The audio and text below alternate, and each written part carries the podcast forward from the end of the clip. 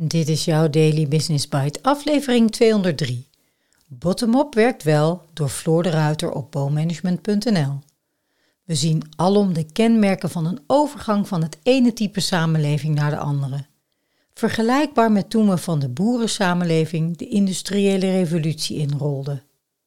Ook nu staan onze economische, ecologische, sociale en politieke systemen onder druk. We zitten aan het einde van een economisch-maatschappelijk model dat zich richt op materiële groei. Het zal duurzamer moeten, gelijker, al dus SER-voorzitter Kim Putters in de Volkskrant. Je luistert naar Daily Business Bites met Marja Den Braber, waarin ze voor jou de beste artikelen over persoonlijke ontwikkeling en ondernemen selecteert en voorleest. Elke dag in minder dan 10 minuten. Het verschil met de vorige overgang is dat het nu een veel welvarender en iets te perfect georganiseerde maatschappij is. Dus de belangen en de gewende stabiliteit zorgen voor een veel grotere weerstand, terwijl zo'n overgang gepaard gaat met turbulentie en chaos. Maar het gaat gebeuren, onontkoombaar. Daarom moeten we zoeken naar nieuwe methodes om onszelf te organiseren, te besturen. Dat zoeken naar nieuwe spelregels deden we, met dank aan organisaties die geen keuze hadden, op basis van een stel radicale uitgangspunten. Dat dilemma tussen vasthouden aan ons vertrouwde, redelijk goed georganiseerde leven en de naderende noodzakelijke veranderingen raakt ons allemaal. Misschien nog wel het meeste bij de energietransitie. Ja, we realiseren ons dat een substantiële verandering nodig is, zeker met de oorlog in Oekraïne zo dichtbij. Maar we hopen ook dat we er zonder kleerscheuren in ons dagelijks leven vanaf komen. De klassieke manier zou daarbij zijn dat de overheid met een soort beleid, een plan komt inclusief een Postbus 51 communicatiestrategie. Gemeentes het uitvoeren en wij het gelaten of niet over ons heen laten komen. Maar zo werkt het langzamerhand niet meer. Daar zijn de tractoren op het Malieveld en de duizenden omgekeerde vlaggen wel een aanwijzing voor. Schoorvoetend probeert de overheid zich aan te passen. Nieuw bij de energietransitie is bijvoorbeeld dat er eerst een proefprogramma is gestart.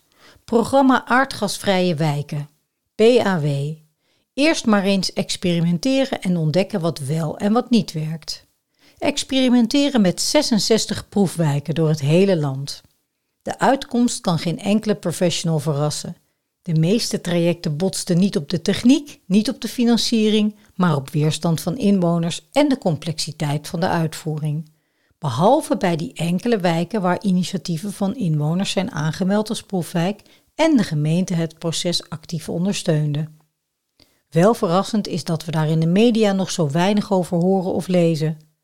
Geen uitgebreide analyses in kranten, geen trotse minister die de uitkomsten deelt in de nieuwsbulletins. Niets. De uitkomsten moeten natuurlijk nog officieel geëvalueerd worden.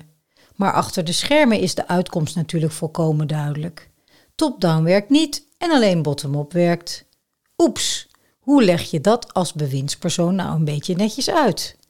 Wat wij met onze ministeries en een roedel experts doen werkt niet en wat u in uw vrije tijd doet werkt wel.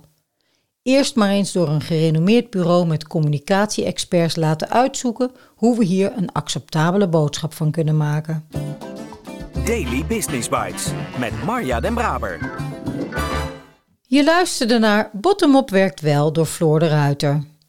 Floor zal natuurlijk als schrijver van Bottom Up een beetje bevooroordeeld zijn, maar ik moest er wel hard op om grinniken. Is dat cynisch, mama? zou mijn dochter vroeger gevraagd hebben toen ze nog kleiner was.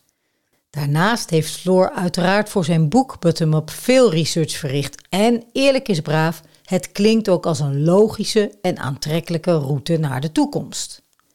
Op dit moment begeleid ik met veel plezier enkele projectteams van Rijkswaterstaat. Daar is het klassieke spanningsveld van ruimte laten voor het projectteam en bovenop zitten vanuit de hiërarchie, vooral als het spannend wordt, regelmatig onderwerp van gesprek. Mooie gesprekken ook, want de intentie van iedereen is eigenlijk altijd goed, willen helpen. Maar ja, zoals mijn hoofdtrainer van mijn trainersopleiding vaak zei, de echte helper helpt pas echt wanneer hij stopt met helpen. Wat zijn echt mooie bottom-up experimenten binnen jouw organisatie of team? Ik spreek je graag morgen weer.